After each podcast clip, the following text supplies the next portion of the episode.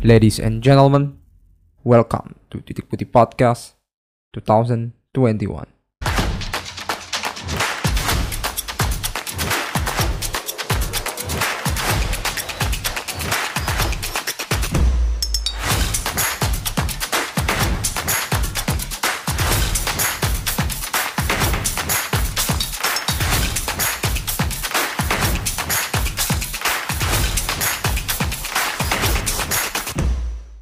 Back to Titik Putih Podcast.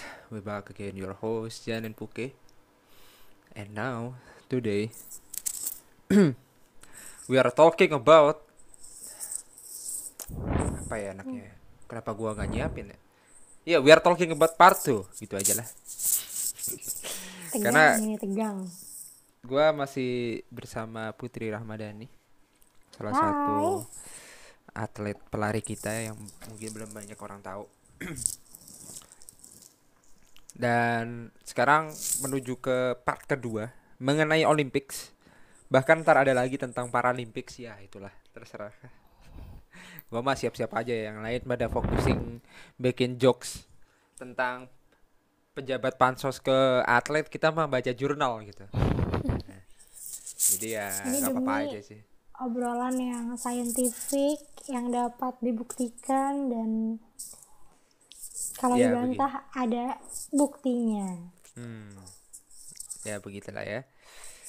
Yang di mana ini cukup mungkin yang part kedua memang menurut gua cukup god mode ya. Cukup level yang tier yang lebih lebih tinggi lah ketimbang part 1.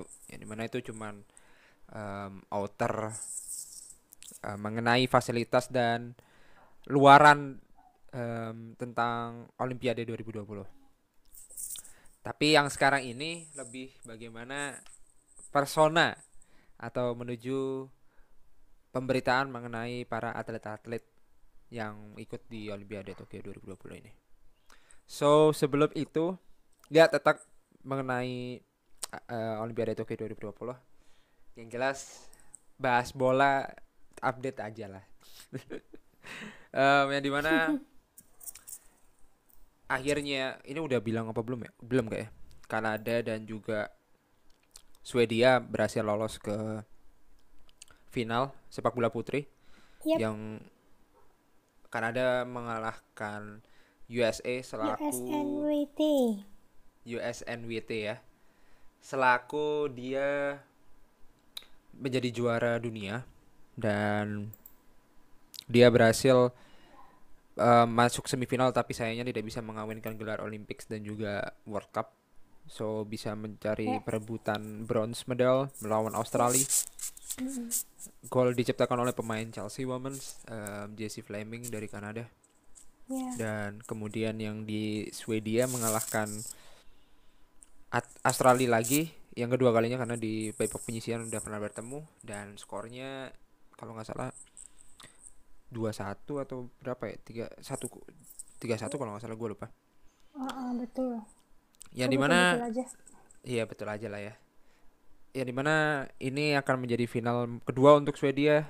Moga-moga nggak akan kalah lagi di final dan em, Kanada bisa mengalahkan dominasi USA.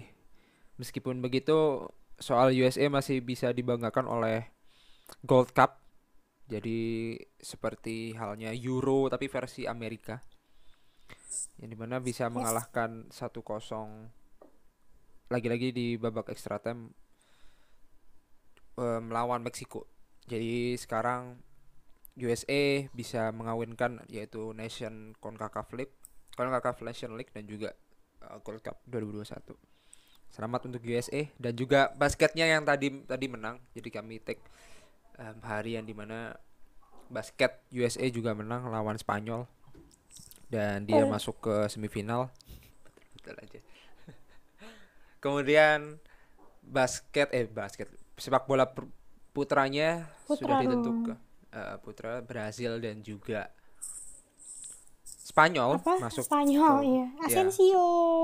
ya Asensio dan Brazil bisa masuk ke final yang ada di perebutan juara ketiga atau perebutan bronze medal itu ada Jepang akan melawan eh, Meksiko di Ya betul.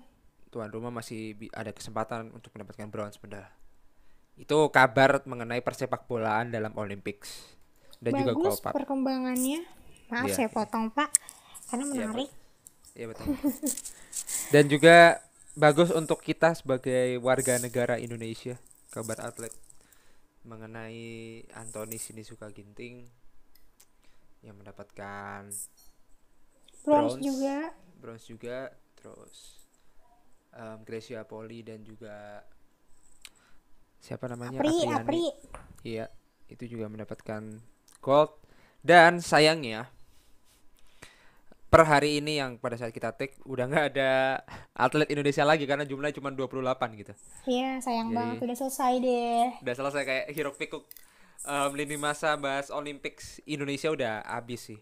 Meskipun habis. tinggal yang gede-gede aja, itu pun juga bukan dari Indonesia. iya pasti China lah. Oh, kita juga harus berbangga karena Nurul Akmal kemarin eh, dapat dan menyabet posisi 5 karena Iya, berhasil mengangkat beban sebesar eh, sebanyak seberat 225 kilo.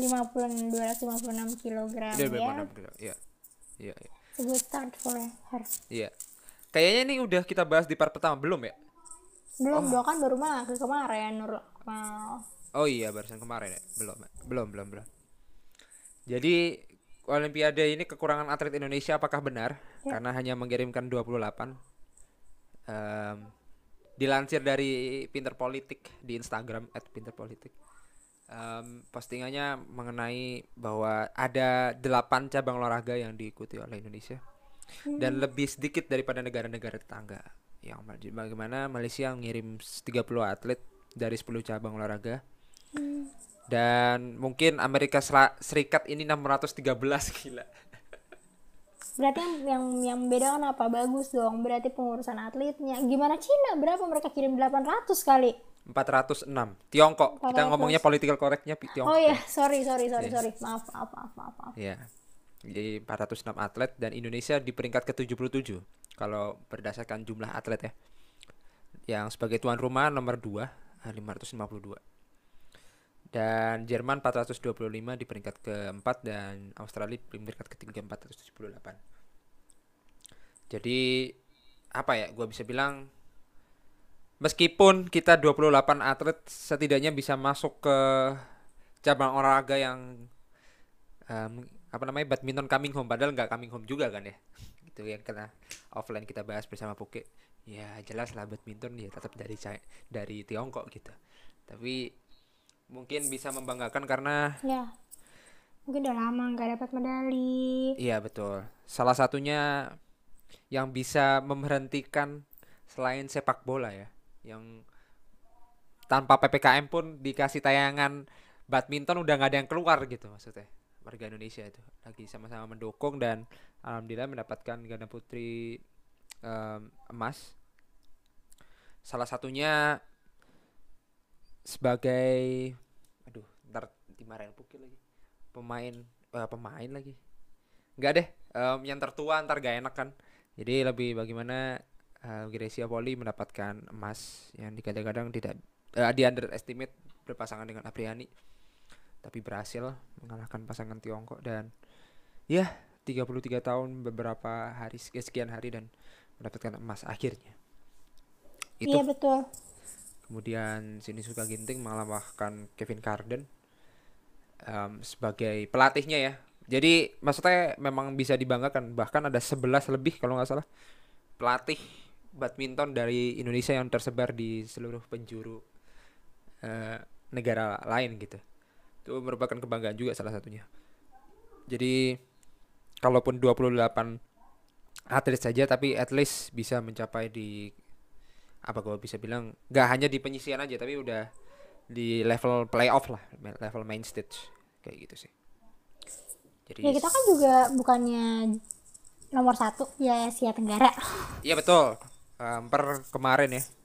Atau mungkin gua belum ngecek sejauh ini nomor Hmm, satu. udah udah bergeser lagi apa belum ya? ya nggak tahu tapi yang jelas kita mendapatkan satu medali emas satu medali silver dan tiga medali perunggu. Is is a good tuh Iya. Dengan 28 dan mendapatkan at least mm, lima lah ya. Udah udah bagus lah. Ada satu medali emasnya. Ya selamat dan sukses sekali lagi dan terima kasih atas perjuangan atlet Indonesia untuk mengharumkan nama bangsa. Bukan soal duitnya bukan soal kita memaksa mereka mendapatkan medali itu yang dibahas di part pertama yang di mana ya udah mereka berkompetisi dan uh, berpartisipasi di Olimpiade itu sudah membanggakan Indonesia. Gitu Iya. mantap. Ada ada satu hal yang penting menurut gue di sini yang bisa kita garis bawahi adalah apa itu? Em, dominasi US NWT Hmm. di cabang olahraga sepak bola itu kan kita nggak ragu lagi ya. Iya. dari lama dan dia juga sebagai salah satu pelopor sepak bola perempuan yang sangat baik gitu. Ya ya ya tapi saat dia bisa dikalahkan oleh Kanada dan dia tidak masuk ke final em, ini menandakan dua hal sih yang pertama mungkin ada penurunan dari dia tapi yang lain adalah sisi positifnya eh, semakin banyak tim olahraga sepak bola perempuan yang berkembang. Tuh, oke oke jadinya oke. ada sisi positifnya dari dari dari apa Membuka- di Olimpiade Iya. ini. membuka jalur seluas-luasnya untuk um, negara lain terutama ya yang concern terhadap women's football Iya dan dong. dan dan, dan memang betul apa yang dikatakan Buke bahwa sepak bola putri Amerika Serikat masih mengandalkan Megan Rapinoe gitu ada Maksudnya- ada Alex Morgan iya tetua-tetuanya juga ikut gitu yang di mana memang perlu gener- generasi Regenerasi, regenerasi ya. juga gitu urusan mereka lah kalau misalnya mereka eh, tiba-tiba belum punya regenerasi atau gimana cuma yang harus kita lihat adalah oh berarti eh, sepak bola perempuan dari negara lain negara dari negara lain sudah mulai Iya, ya, begitu ya. Mulai berkembang. Ya, ya itulah. yuk Em, siapa pun yang menang ya menurut gua women's football salah satu pertandingan yang gua tonton juga di Olympic sih. ya ya Itu aja. Dan mungkin yang lainnya salah satunya mungkin soal em, skateboarder ya. Skateboarder Jepang yang di mana dia ini isu di week pertama Olimpik tapi masih terus dibahas ya Iya, betul. Karena mungkin 13 tahunnya dia mendapatkan em, medali emas. gold Heeh, Jadi- gold medal Mom Jinisia ini em, menggunakan skill yang udah ada pada saat dia di umur 11 tahun 2019 gua pernah nonton di salah satu eh, kejuaraan dan dia melakukan kembali di 2020 Ha- tidak hanya Mom Ji eh, Mom Jinisia tapi juga ada Raisya Lil yang eh, silver medal dari Brazil. Mm-mm. yang mana Raisya ini umurnya kalau nggak salah 16 wah anak-anak ini hebat-hebat banget. Dan yang ke peringkat tiga juga dari Jepang namanya Funa Nakayama. Jadi sama umurnya berapa? 13 Iya. They really cool man. Iya jadi kalau Poke udah menjuarai Rio eh London 2012 lari jadi mereka juga meneruskan. Kalian carilah Putri Ramadhani running 100 meter. Gitu.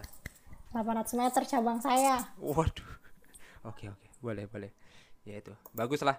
Eh, selamat sekali lagi dan mungkin nggak tahu ya. Ya perkembangan atau ada yang tanya itu kalau misalkan 13 tahun udah dapat gold medal gimana ya orang tuanya ngasuh. Kalau dari gua melihat skateboarder itu ya latihan emang dari tiga umur 3 tahun sih. Iya, iya. Emang lu nggak pernah nonton inian apa? Anak-anak kecil yang eh, jatuh Iya. bangun, latihan. Iya, iya. Internetnya digunakan untuk apa sih? Iya betul. Udah tendensius aja. ya. Oke, kita next ya. Ngomongin soal eh, medali juga. Karena ada satu momen yang mengharukan salah satunya meng-share ya gold medal em, Ya, sprinter dari- Itali dan Qatar.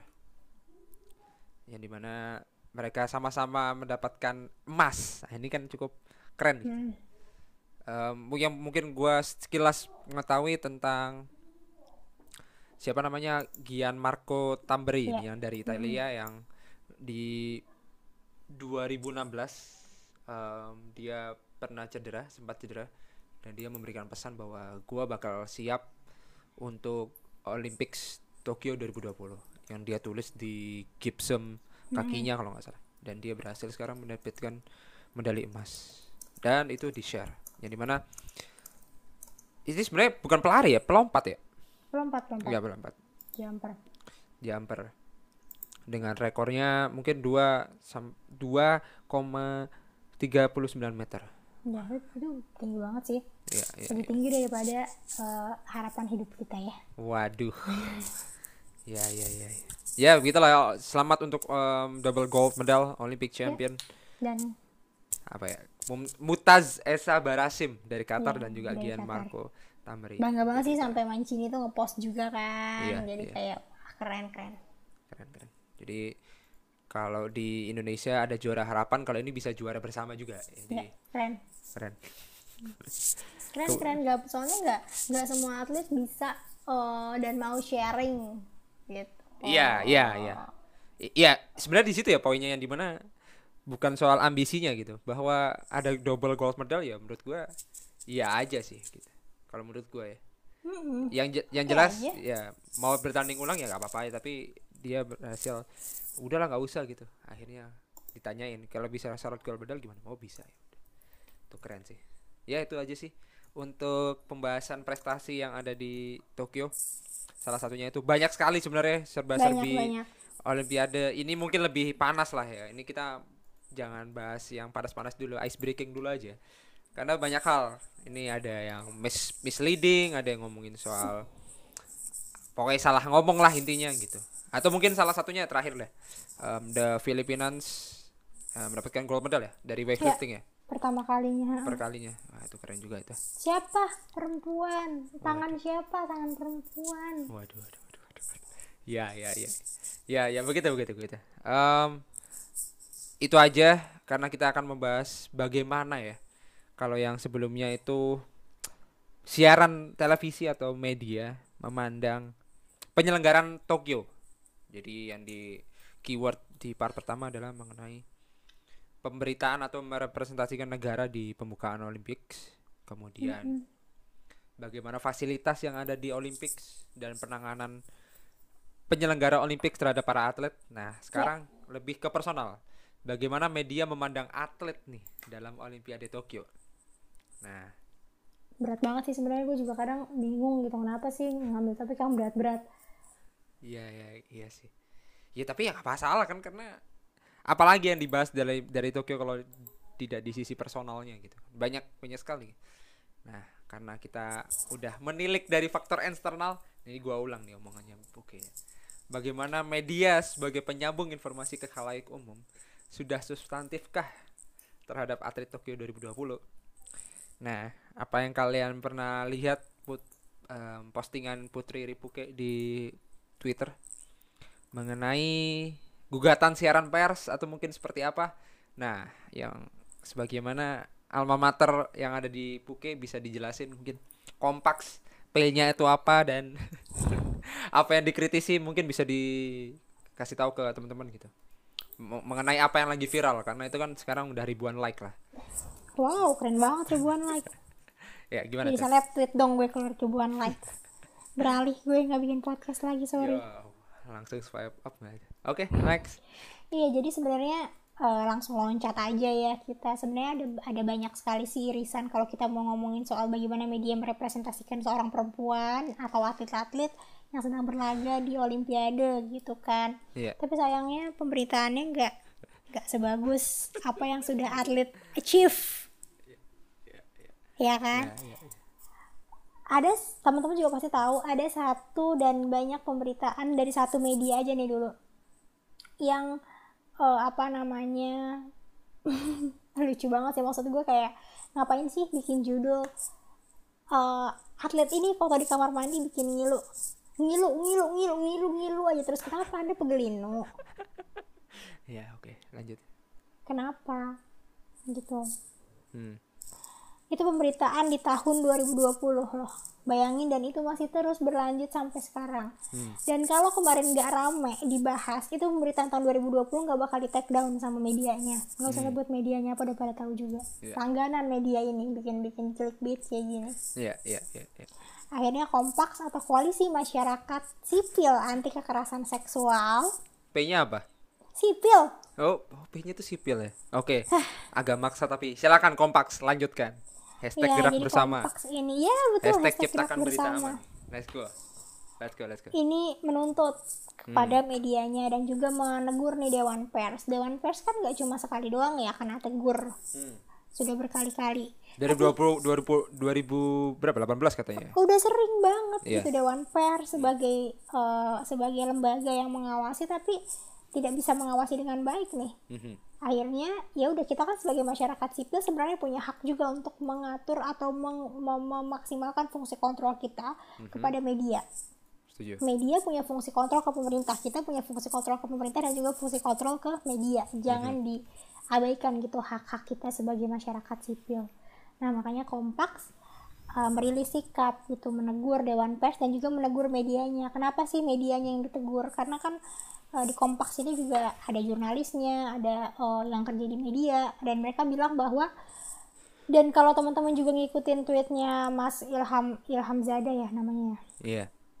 Itu juga banyak yang banyak yang quote retweet bilang bahwa nggak tahu ya nggak paham. Kadang sebagai jurnalis udah bikin judul bagus terus pas naik ternyata bukan judulnya jurnalis yang dipakai tapi malah judulnya orang lain. Nah makanya kita sadar di situ bahwa yang harus ditegur adalah medianya juga gitu loh. Redaksionalnya pimretnya dan segala macem. Mhm. Tujuannya apa? Tujuannya agar tidak lagi agar tidak lagi memberitakan atau menciptakan artikel yang sifatnya mengobjektifikasi perempuan, yang menseksualisasi perempuan dan yang menyudutkan perempuan serta hal-hal lain yang sifatnya negatif, tidak meninggikan status dan derajat perempuan, tidak membuat perempuan yang sudah dapat achievement capek-capek itu tidak ditinggikan gitu loh substansinya. Iya yang ditinggikan hanya cantik lah inilah itulah.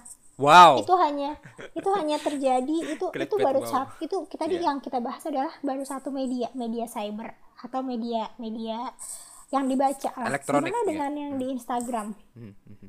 reelsnya. Emangnya bersih? Enggak. Enggak. saya udah banyak kumpulkan tuh ya kayak hmm, kirim ke titik putih kirim ke titik putih kirim ke titik putih gitu. Iya iya iya. Buat apa bikin bikin bikin kayak gitu tuh buat apa? Mhm, mhm, melanggengkan seksisme. Mhm. Mhm. pandanglah perempuan yang ikut olimpiade itu sebagai mereka yang memang punya daya juang punya nilai yang sangat tinggi. Untuk mana olahraga. mana atlet favorit perempuan kalian? Coba kolom komen di bawah. Apa tulis di bawah kayak ya lanjutin lanjutin. Kayak gitu jadi kompak. Eh, di sini saya juga mau bilang ya bahwa kompak nih ya gitulah. Maksudnya aduh kayak kok gini lagi gini lagi dan gini lagi gitu. Kenapa sih masih ada media yang mengobjektifikasi perempuan seksualisasi dan lain sebagainya? Hmm gitu. kayak gitu.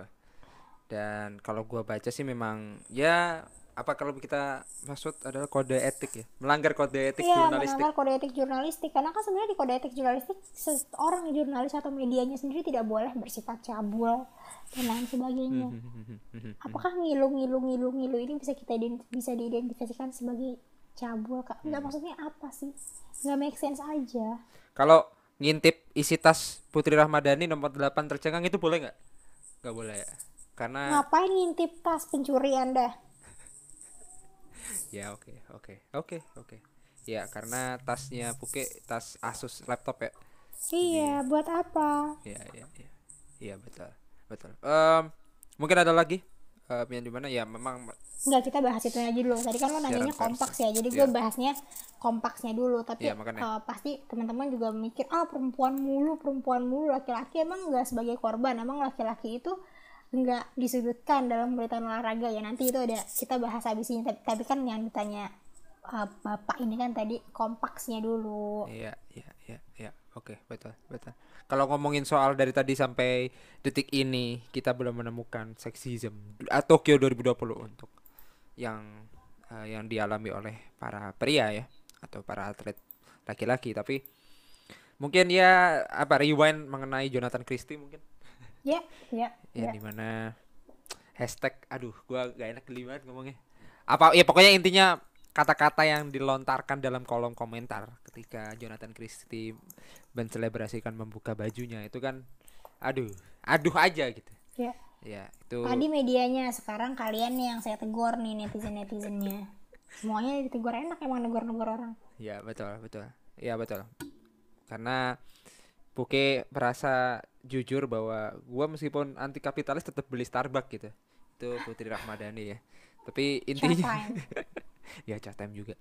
Nggak seliter kayak gue oke next. Tapi intinya adalah bahwa ya clickbait clickbait ini kadang gue juga mikir kalau kita nyalain penulisnya doang meskipun memang itu salah satu um, sumber mungkin salah satu sumber sumber sumber pemberitaan bahwa penulis juga pengaruh kalau ngomong soal judul kan mungkin ya redaksionalnya itu kan dari pemret gitu. Tapi kalau penulis ya berarti ya penulisnya. Maksudnya tulisannya ya berarti penulisnya gitu. Masa diganti penuh kan ya kasihan pemretnya juga kalau memang itu eh, kasihan oleh penulisnya juga kalau memang diganti beneran dan mengatasnamakan dia gitu kan Mm-mm. juga kasihan gitu. Meskipun sanksi sosial juga perlu biar sadar tapi apa pun itu em, tidak akan pernah berubah kalau memang medianya membutuhkan call to action dan ya me- menormalisasikan sexism melalui clickbait dan headline news yang selalu ada di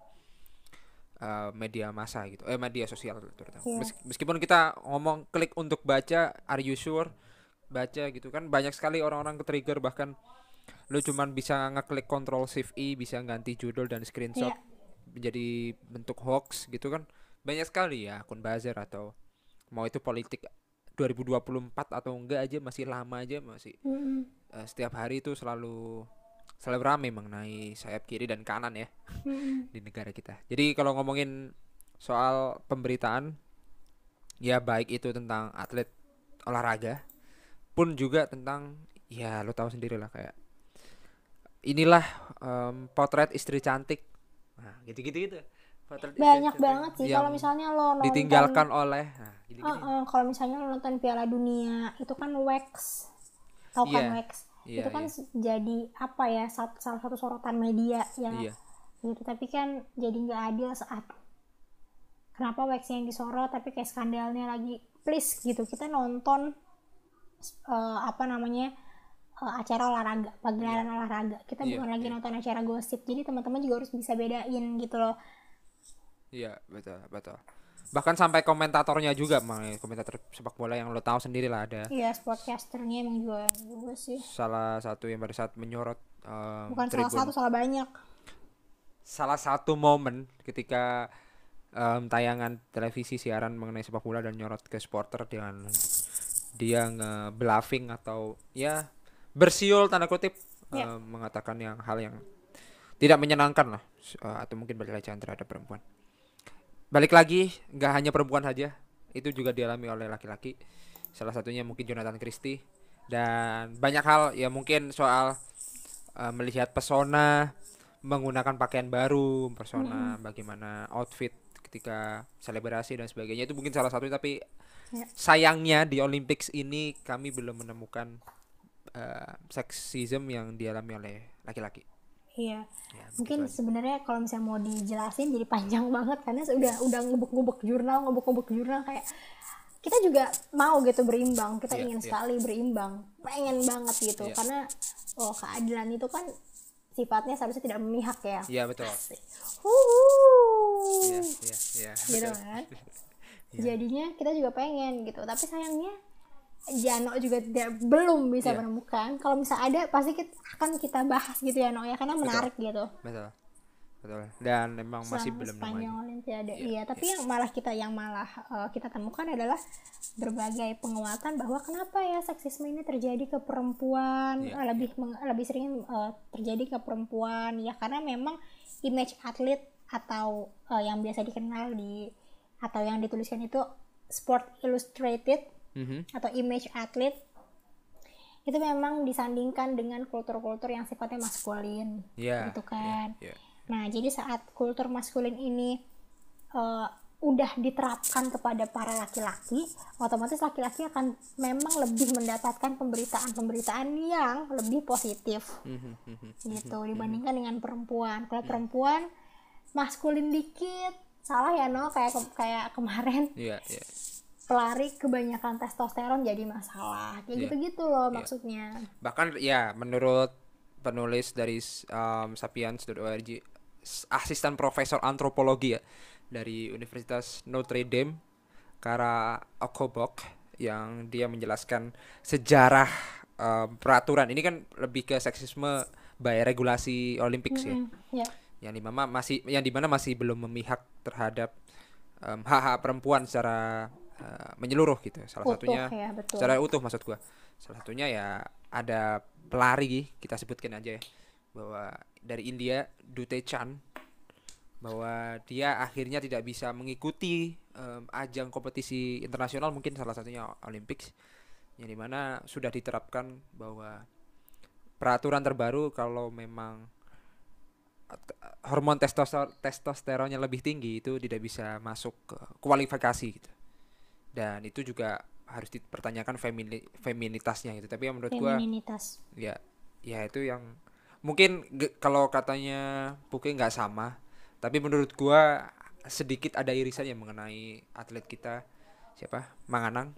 Manganang. Ya, itu mengenai bahwa um, lebih ke alat kelamin ya dan gua hmm. masih belum baca tapi sekilas bahwa itu juga salah satu bentuk um, regulasi ya salah satu bentuk regulasi yang harus menanyakan feminitasnya atau yeah. mempertanyakan terhadap dirinya sendiri bahwa keputusan kadar testosteron alaminya ini yang terlalu tinggi aja tidak bisa meloloskan dia untuk yeah. ber ini ikut yeah. di kancah um, atletik atau nah, cabang olahraga lanjut makanya kan tidak ramah terhadap perempuan mm-hmm. makanya seksisme kepada perempuannya tinggi mm-hmm. tapi kenapa sangat ramah kepada laki-laki karena uh, pandangan kita dan pandangan bagaimana masyarakat itu memandang bahwa olahraga memang lebih sesuai dimainkan oleh laki-laki lah yang membenarkan bahwa pemberitaan-pemberitaan lebih positif arahnya kepada laki-laki. Hmm. Makanya jarang kita temukan pemberitaan-pemberitaan yang sifatnya seksis kepada laki-laki.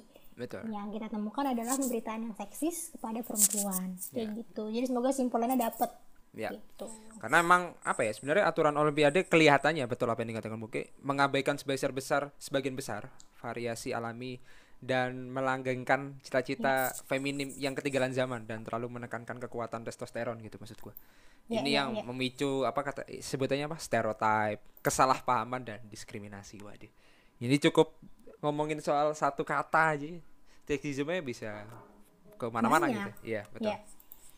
Jadi identitas gender perlu, tapi kalau mengenai menanyakan feminitas atau seperti apa ya itu lebih rumit lah kalau gue bisa bilang hmm. karena gue nggak bisa.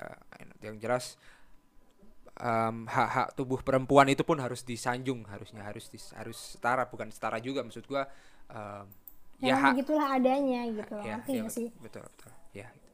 Jadi lo dengarkan baik-baik dan gue juga harus ngomongnya pelan-pelan ya. Saya juga takut salah pak. Ya takut salah. Ya seperti itu. Karena panjang sekali ya panjang sekali gitu. Itu baru ngomongin seksisme. Ya, belum ngomongin soal um, misogyni atau isu mental health. Nah iya. yang di mana gua mengulangi lagi nih kata-katanya Puke. Gitu. bahwa tuntutan atlet itu harus kuat bukan uh, bahkan tentang mental juara mental juara. Itu kan penting ya. Yang yang dimiliki oleh seluruh atlet dan masing-masing atlet punya mental juaranya sendiri-sendiri gitu bahwa mental health yang isu di luar um, tentang mental health maupun di sosial media ataupun kalian yang self proclaim mau aneh lah pokoknya intinya self diagnose ya. Self diagnose eh diagnose gitu. Kenapa sih gue dari ini belibet banget? Yang memang agak panas pak episode ini maaf iya ya. betul betul. Jadi kita nggak nggak bisa lah menjustifikasi langsung atau lo ya self diagnose itu sendiri. Karena kita nggak tahu um, sebenar-benarnya seorang atlet itu mendapatkan masalah apa? Perundungan kah? Atau ada masalah dalam keluarganya? Atau seperti apa yang mm-hmm. sebagaimana kita harus menjaga dan tetap terus support sebenarnya? Yeah. itu aja. Dan mungkin contoh kasusnya bisa dibacakan oleh Buke ya. Mungkin kalau yang gue tahu tentang uh, Simone yeah. um, dan bronze medalnya katanya Buke dan gue belum belum update tentang Simone mungkin gue baca yang nanti soal um, salah satu atlet gimnastik Germany yang menggunakan yeah pakaian spandex atau ya itulah pakaian atletik yang menutup uh, harus menutup hmm, penuh gitu yeah. Iya. uh, untuk uh, melawan perlakuan seksis. Silakan kalau yang Simone dulu gimana tuh? Kalau yang Simone ini pasti semua udah tahu ya. Jadi hmm. tadi medianya, sekarang uh, atletnya mm-hmm. yang pengen uh, apa ya? Kita mundur dulu deh. Olahraga itu kan bener yang uh, kemarin uh, titik putih bilang di posternya olahraga itu atau rangkaian acara olahraga itu sebenarnya bisa jadi katalis untuk membawa perubahan hmm. baik untuk atlet membawa perubahan untuk regulasi pertandingan olahraga itu sendiri hmm. maupun perubahan-perubahan lain yang sifatnya eh, apa namanya internal maupun eksternal gitulah keinginan atlet atau keinginan dunia gitulah kasarnya. Nah kayaknya kalau gue ngelihatnya Olimpiade Tokyo ini banyak banget uh, side effect atau pembahasan-pembahasan sosial yang menarik dari awal banget ya. Kayak ya banyak lah teman-teman juga tahu.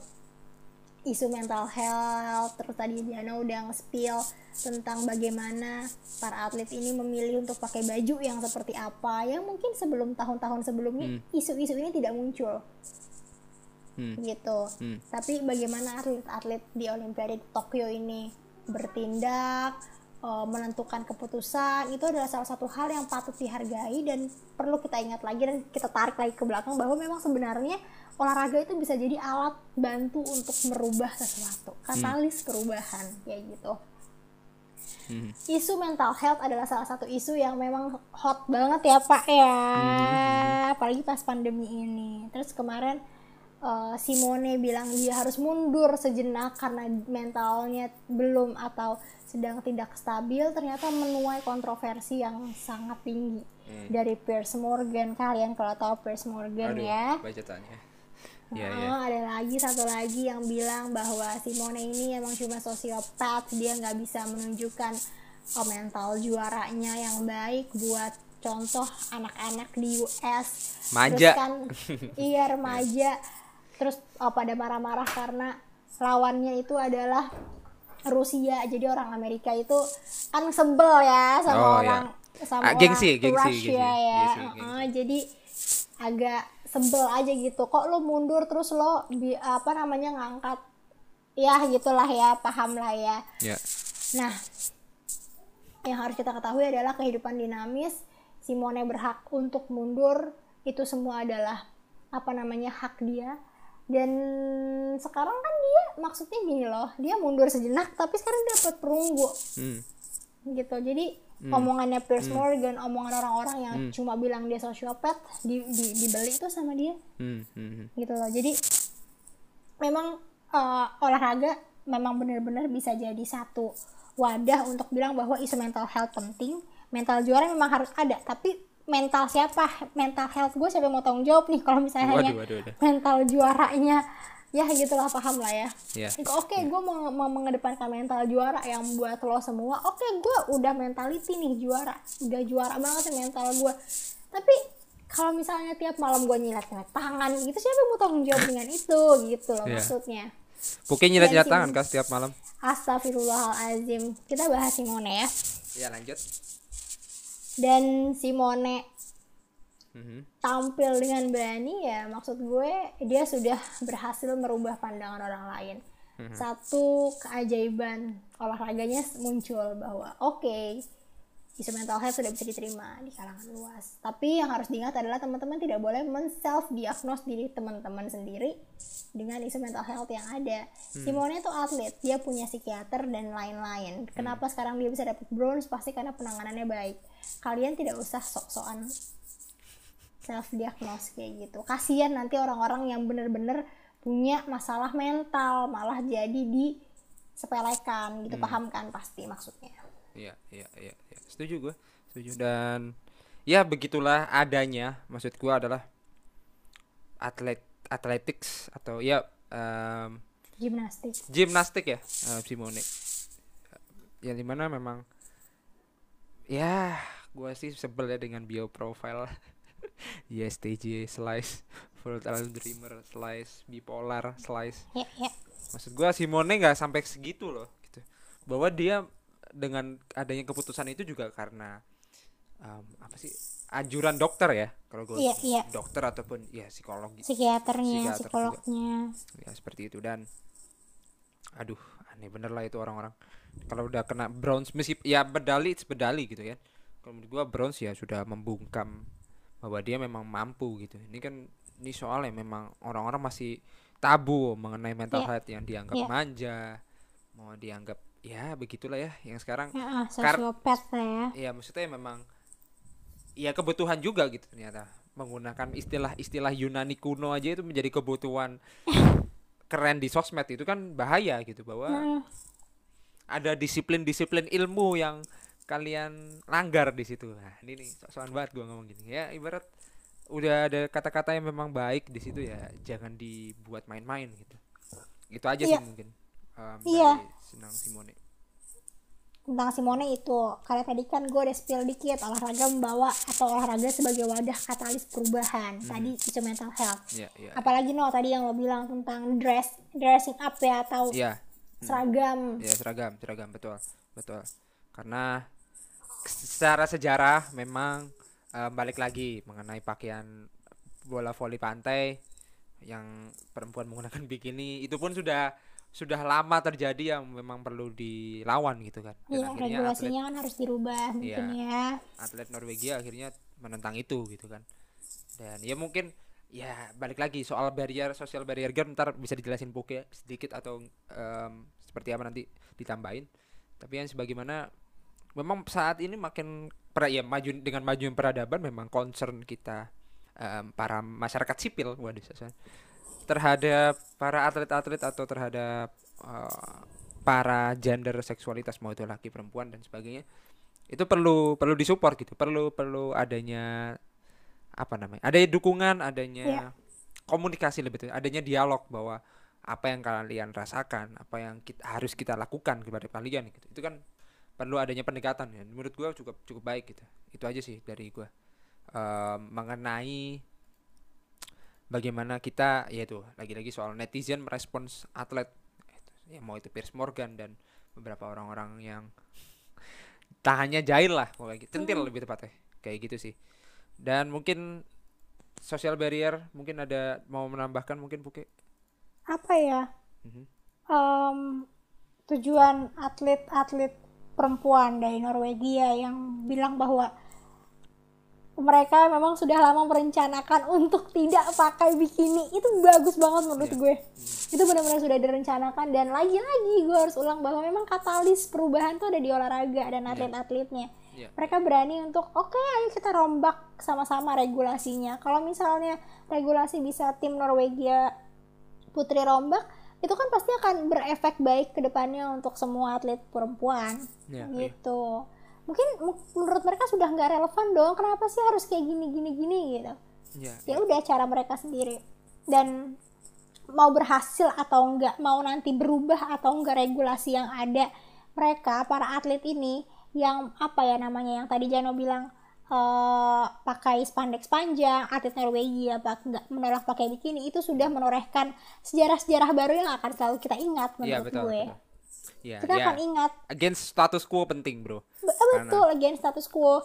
Jadi kita akan ingat oh berarti benar ya olahraga itu benar-benar deh bisa melawan apa yang menurut mereka jadi oh objektifikasi jadi seksualisasi bisa mereka lawan dengan caranya masing-masing. Oh para atlet ngelawannya dengan kayak gini. Oh kayak Ya. oh kompak ngelawannya dengan kayak gitu.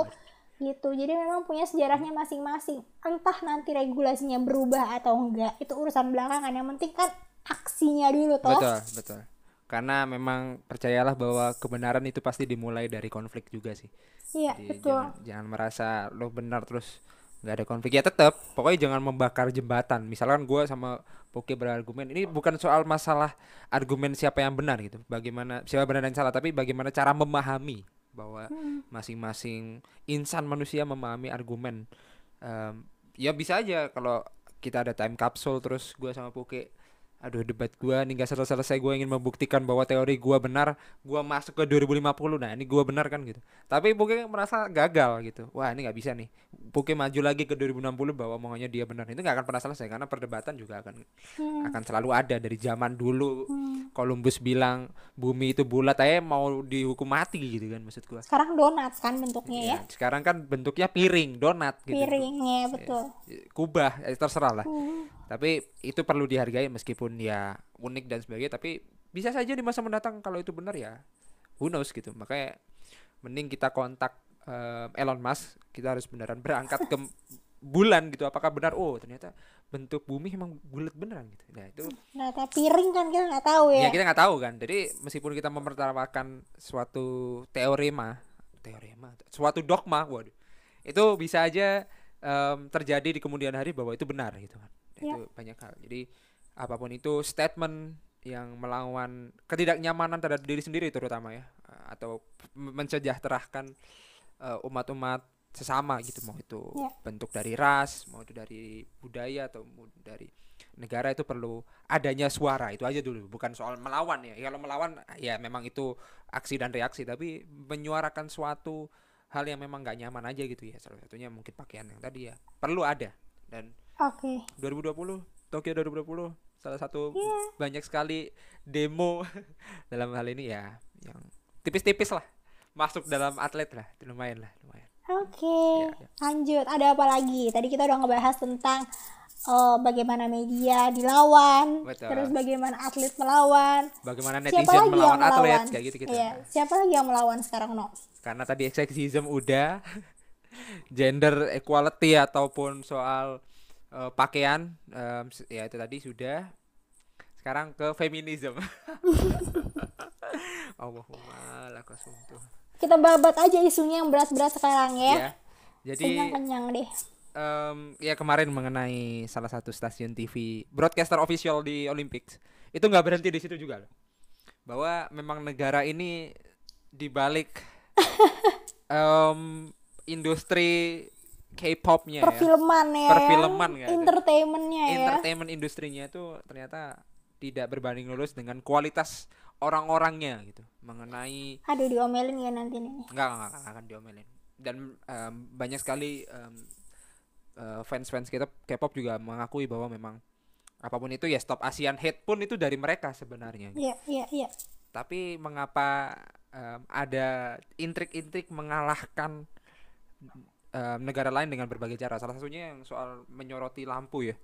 Yang salah satu em, stasiun TV yang pada saat itu mencoba untuk mengelabui, bukan mengelabui atau mendistract salah satu kontingen Jepang kalau nggak salah yang diberikan lampu sorot atau seperti apa yang sampai benar-benar lagi tadi teroris Iya. itu orang Iran. Ah udahlah. ya misspelling ya mengenai eh, atlet korsel yang bilang ya Allah orang Iran kok nomor satu karena dia teroris. Ya meskipun gua juga em, ngejokes ya nih apa pun itu em, mengenai ya lo tau lah maksudnya kalau lo baca berita soal akhirnya Amerika mendapatkan emas dari cabang menembak. Nah itu lo pikirkan aja jokesnya di mana kan ya? Iya, jadi iya, gua nggak boleh sebutin. paham, paham. em, seperti apa. Tapi kita balik lagi ke pemanah ini bahwa dia udah mengharumkan nama Korea Selatan gitu tapi Archery-nya ya. ditolak dengan karena dia potong pendek rambutnya gitu Astagfirullahaladzim dan harus dibalikin udah lah nggak usah pakai gold medal karena lo em, sen terhadap lo feminis lah gitu gitu yang di mana siapa namanya nih beliau Aduh, ini siapa nama uh, archery-nya ini gue lupa lagi Ya, saya juga lupa, Pak. Saya cuma ingat isunya aja. Ya, pokoknya em, panahan perorangan putri ya, Mm-mm. yaitu namanya Ansan. Waduh, Oh iya. gitu San. doang ternyata gue nyari. Oke, Ansan namanya yang di mana dia apa ya? Bukan bukan dapat medali ya, tapi lebih ke eh dapat medali gak sih? Dapat medali. Oke, jadi sebenarnya dia memenangkan di babak penyisian em, round 16 bahwa dia siapa pun itu panahan Korea jangan sampai eh, menggunakan bukan menggunakan potong rambut pendek ya yang di mana itu disematkan oleh para anti anti apa namanya anti feminis di dari Korsel gitu yang em, ini juga bisa kita simpulkan bahwa lo potong pendek aja itu Salah. salah gitu Nah, iya kan? Maksudnya tadi kan nanya berita seksisme ke laki-laki gimana? Ini permasalahan potong rambut aja perempuan belum selesai. Gimana mau nyari berita seksisme ke laki-laki? Ngerti gak jadi maksudnya ini? ya ya boleh boleh boleh boleh. Ya lanjut lanjut lanjut.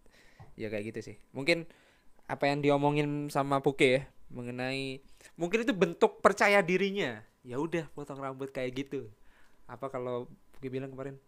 Mendobrak stigma. Waduh mendobrak Ya, sesuatu. Ya, ya kalau Puke kan bilang suka kata-kata mendobrak gitu melawan lah istilahnya atau tampil sebagai dirinya sendiri melalui menggunakan potong pendek gitu. Jadi meskipun dia berhasil mendapatkan emas tapi sayangnya tidak dapat bukan emas juga tapi sayangnya dia em, tidak dapat mendapatkan eh tidak mendapatkan respon yang baik dari masyarakatnya gitu.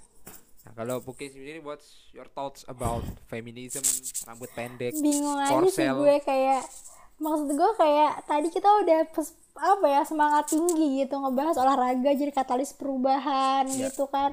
Ini masalah rambut aja mungkin dia mau ngelawan gender inequality ya.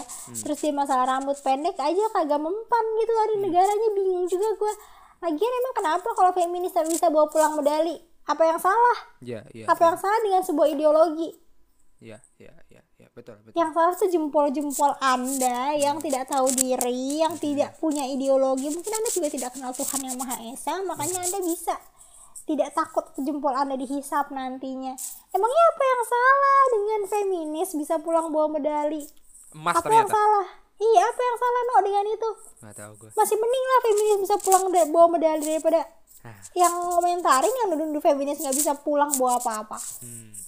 Udahlah nggak usah lah kayak gitu ngapain? Ini jadi kita udah ketinggian gitu ya merubah regulasi. Tapi terus jadi kayak deep down lagi di Asia lagi tadi kayak aduh. Oh, ya balik lagi ya. Menurut gua kita nggak perlu naif ya Buke. Mau itu refleks. Pasti ya mungkin dari Apriani Rahayu yang kemarin juga potong ya pendek itu, itu juga sebenarnya ada teman ini lebih enak bahas Korea aja ya Enggak itu memang tidak diberitakan dengan baik karena tidak ada sentimen yang secara em, secara publik menyatakan bahwa gua menolak Ansan dan balikin medali emasnya karena dia potong pendek gitu. Karena dia eh, model rambutnya pendek gitu. Jadi kan ini oh bahkan em ya selebritas Korea dan ya pokoknya intinya against terhadap feminisme dan banyak hal sih kekejaman nggak tahu sih ini terlalu lebay tapi Hmm. hal-hal yang mungkin mengenyitkan dahi dari Korea Selatan mengenai uh, memanusiakan manusia atau being become human itu sana juga besar lah intinya. Kayak gitu aja sih. Kalau dari gua tentang feminism archery ini kalau kalau kita ngomongin semuanya nih wah banyak banget ya dari awal mengenai capek juga gue lah udahlah. Um, isu mental health, sexism, misogyni, dan feminism. Sebenarnya ada satu lagi guys, cuman gua masih belum siap ya. isu transgender itu sebenarnya ada, tapi aduh janganlah. Dan mungkin daripada kita udah pelik ya, kita bukan memberikan solusi, kita bukan uh, ini gue cuma mau ya. membakar amarah lu semua aja Iya membakar aram amarah lu semua aja gitu bahwa dari kalau kata Buki dari semua perlakuan media yang nyebelin orang-orang netizen pada anjing sama atlet gitu. Tapi apa istilahnya? Masih ada oasis di tengah gurun pasir waduh. Ini kan istilah yang cukup keren gitu. Ngomongin soal apa? Buki Em, atlet boleh bawa bayi ya? Iya. Nah, itu gimana tuh? Mungkin itu sepele ya kalau Iya. misalnya buat papa-papa yang oh, mungkin kayak buat apa bawa bayi ya. Tapi kan kalau misalnya dia masih breastfeeding Iya iya iya. iya. Kenapa harus diberitain gitu kan maksudnya? Nah, itu, itu kenapa emang diberitain nggak apa-apa Iya betul betul betul. Jadi em, menurut ini siapa nih Global Positive News, wah ini pasti beritanya positif terus nih. Wah, coba-coba kita lihat ya. Iya. Apakah Global Positive News ini beritanya positif? Ya, Kayaknya enggak sih, nggak mungkin ya. hmm, hmm, Ya, tapi bisa juga sih. bisa juga ya. Due to the pandemic the 2020, Hmm. ya kan? Ya, Eh Ada nggak? Bagus semua itu pasti. Oke, between being parents or athletes and the express feelings. jadi penyelenggara em, Tokyo 2020 em, mengeluarkan pernyataan yang mengatakan bahwa em, mereka akan membuat penyesuaian untuk atlet yang sedang menyusui. Ya, Jadi betul. para Orang masih ibu ya boleh membawa bayi mereka yang sedang menyusui dan um, apa kalau bisa bilang a caretaker of partner to help them Ya, out ya, ya. itu sih lebih tepatnya Ini menurut gue cukup ramah ya. Iya. Di tengah tadi kita bahas eh, membahas banyak sekali pem- pem- apa namanya pemberitaan yang panas. Eh, ya beneran kayak oase aja gitu. Oh ternyata masih ramah regulasinya sama para ibu yang baru melahirkan, yang baru menyusui, yang mungkin belum empati bisa dibawa dede-dede itu Mhm. gitu loh. Jadi mungkin tadi ngerubah regulasi tentang pakai baju, tapi ya ini sudah ada regulasi yang cukup baik lah. hmm. Semoga nggak cuma di Tokyo doang ya. ya ya ya Tapi di Olimpiade Olimpiade berikutnya juga ya seperti itulah. ya ya betul betul betul jadi um, fokus gak hanya fokus on mental health jadi fokus terhadap ya itu mungkin kaum kaum ibu menyusui itu juga um, disejahterakan di Olimpik sekarang dan juga isu mengenai ya archery feminism dan sampai di broadcaster. Jadi ini cukup dalam. Maksudnya semua aspek dalam penyelenggaraan Tokyo 2020 ini kayak bermasalah gitu. Maksudnya di sini bermasalah maksudnya tetap ada isu yang sepertinya tidak baik kita dengar gitu. Itu aja sih. Masih ada lima hari lagi dari kita take hari ini. Kita nggak tahu ke depannya akan ada isu seperti apa lagi. Dan belum ada Paralympics. Dan Paralympics kayaknya lebih wow sih harusnya. Kalau itu pun ada kalau menurut lebih lo positif way sih menurut gue Paralimpik tuh biasanya ya biasanya lebih ini eh, positif way. respectfulnya lebih level respectfulnya lebih gede sebenarnya Ya. ya tapi kita akan melihat besok ya seperti apa dan balik lagi solusi kita akan tidak memberikan solusi tapi mungkin di wrap up aja kali dibungkus Ya, dibungkus. disimpulin aja disimpulkan bahwa atlet-atlet yang bertanding di Indonesia eh, di kancah internasional itu sebagaimana mestinya kita tetap dukung sebagaimana mestinya em, perjuangan mereka berbulan-bulan bertahun-tahun bahkan dari Olympics empat tahun sekali berarti kan empat tahun sebelumnya dia udah ingin menginginkan Paris 2024 yang akan masa mendatang misalkan gitu. Ya ya. Eh, yang sebenarnya seperti Messi atau seperti Ahsan em, pebulu tangkis kita yang di mana dia bilang to bye bye em, Olympics sebelumnya tapi masih tampil lagi seperti Messi yang memutuskan untuk retire atau seperti Gracia Poli yang memutuskan untuk retire tapi akhirnya mendapatkan emas. Ya sama seperti Messi yang mendapatkan Copa America eh, mendapatkan major internasional bersama Argentina dan itulah hal-hal yang memang kita dukung. hasil ya, ya kita ini dan terus kita dukung sebenarnya. Mau itu soal netizen dan sebagainya memang, memang kualitas orang beda-beda. Gua hanya eh, Puke dan gua kami hanya memperingatkan kepada kalian-kalian bahwa seluas-luasnya untuk mendapatkan hal-hal yang edukatif hal-hal yang mau ya etika berinternet mungkin masih ada dalam eh, prinsip-prinsip kehidupan gua kepada kalian. Mensiarkan lah. Tapi dakwah dakwah. Dakwah tipis-tipis lah guys. Gitu. Lumayan lah em, memberikan kebaikan. Tapi pada intinya hak-hak gender seksualitas di mana pun mau itu bukan lo lo bukan atlet atau eh, respect each other itu penting lah menurut gua mau itu soal seksualisme mau itu soal gaya, gaya berpakaian. Nah itu oke udah demo empat kali lah di eh, bundaran HI jadi gua nggak akan pernah protes hal itu. Itu udah diwakilin sama poster-poster yang dibawa sama Puke ya. Jadi itu bisa dijelaskan sama Puke sendiri. Tapi intinya adalah respect each other atlet juga manusia. Nggak perlu menuntut dia harus mendapatkan medali dan nggak perlu menuntut dia harus pulang dia mendapatkan apa-apa itu aja sih. Ya stop objektifikasi stop seksualisasi baik ke atlet perempuan maupun atlet laki-laki.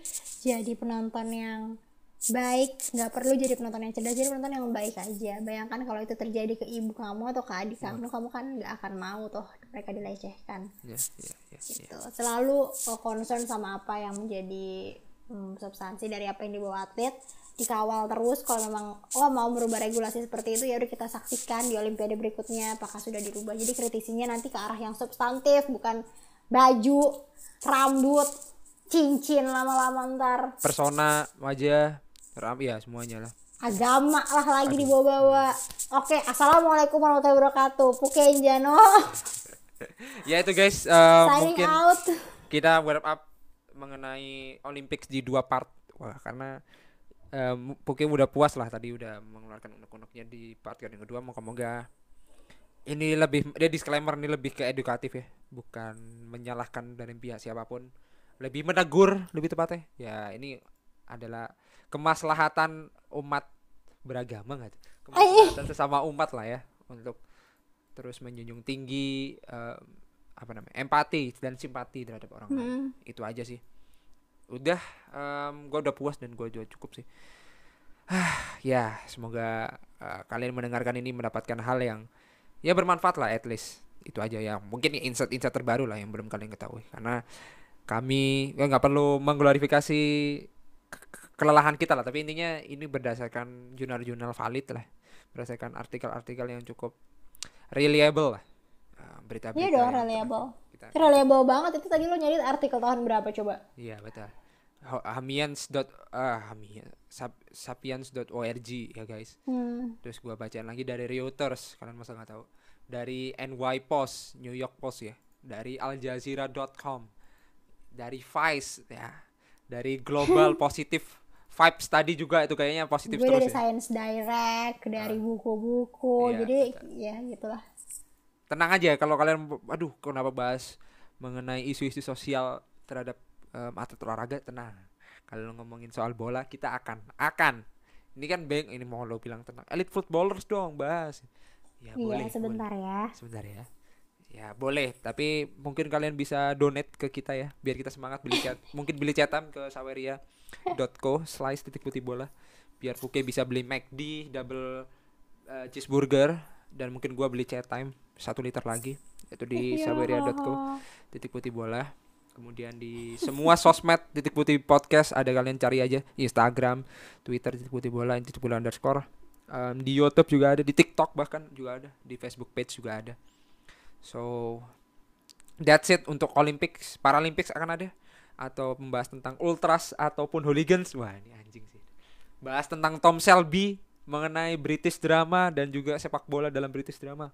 Akan, tenang ya. Crash Landing on You ada sepak bolanya kita bahas kalau ada anjing.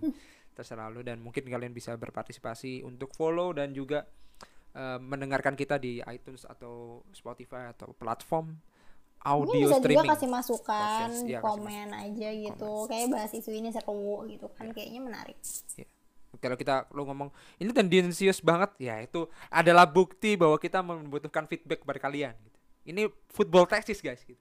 Ini lumayan lah buat kalian Nah, itu aja sih ini belum ngomongin soal regulasi-regulasi FIFA dan sebagainya itulah ya Iya, semoga masih banyak ya, banget kayak kalau di Twitter apa kalau kita Bismillah komisaris FIFA lah kalau kita mah Hmm. Nah, ya sekian ya Ya, sekian kelas 3 SKS-nya hari ini. Ya. Semoga bermanfaat. Ya, amin. Dan jangan lupa follow Putri Putri Puke di Twitter dan Putri RHMD STUFW SYZ itu yang belum bisa diganti dengan Putri Gak Puke bisa seragam. diganti, aneh banget. Kenapa ya? Um, Oke. Lo, lo bisa lihat di Lanjut, followingnya titik putih bola underscore di di Instagram. So gua dan Puke signing out and I will see you. We will see you next episode. Bye bye. Bye.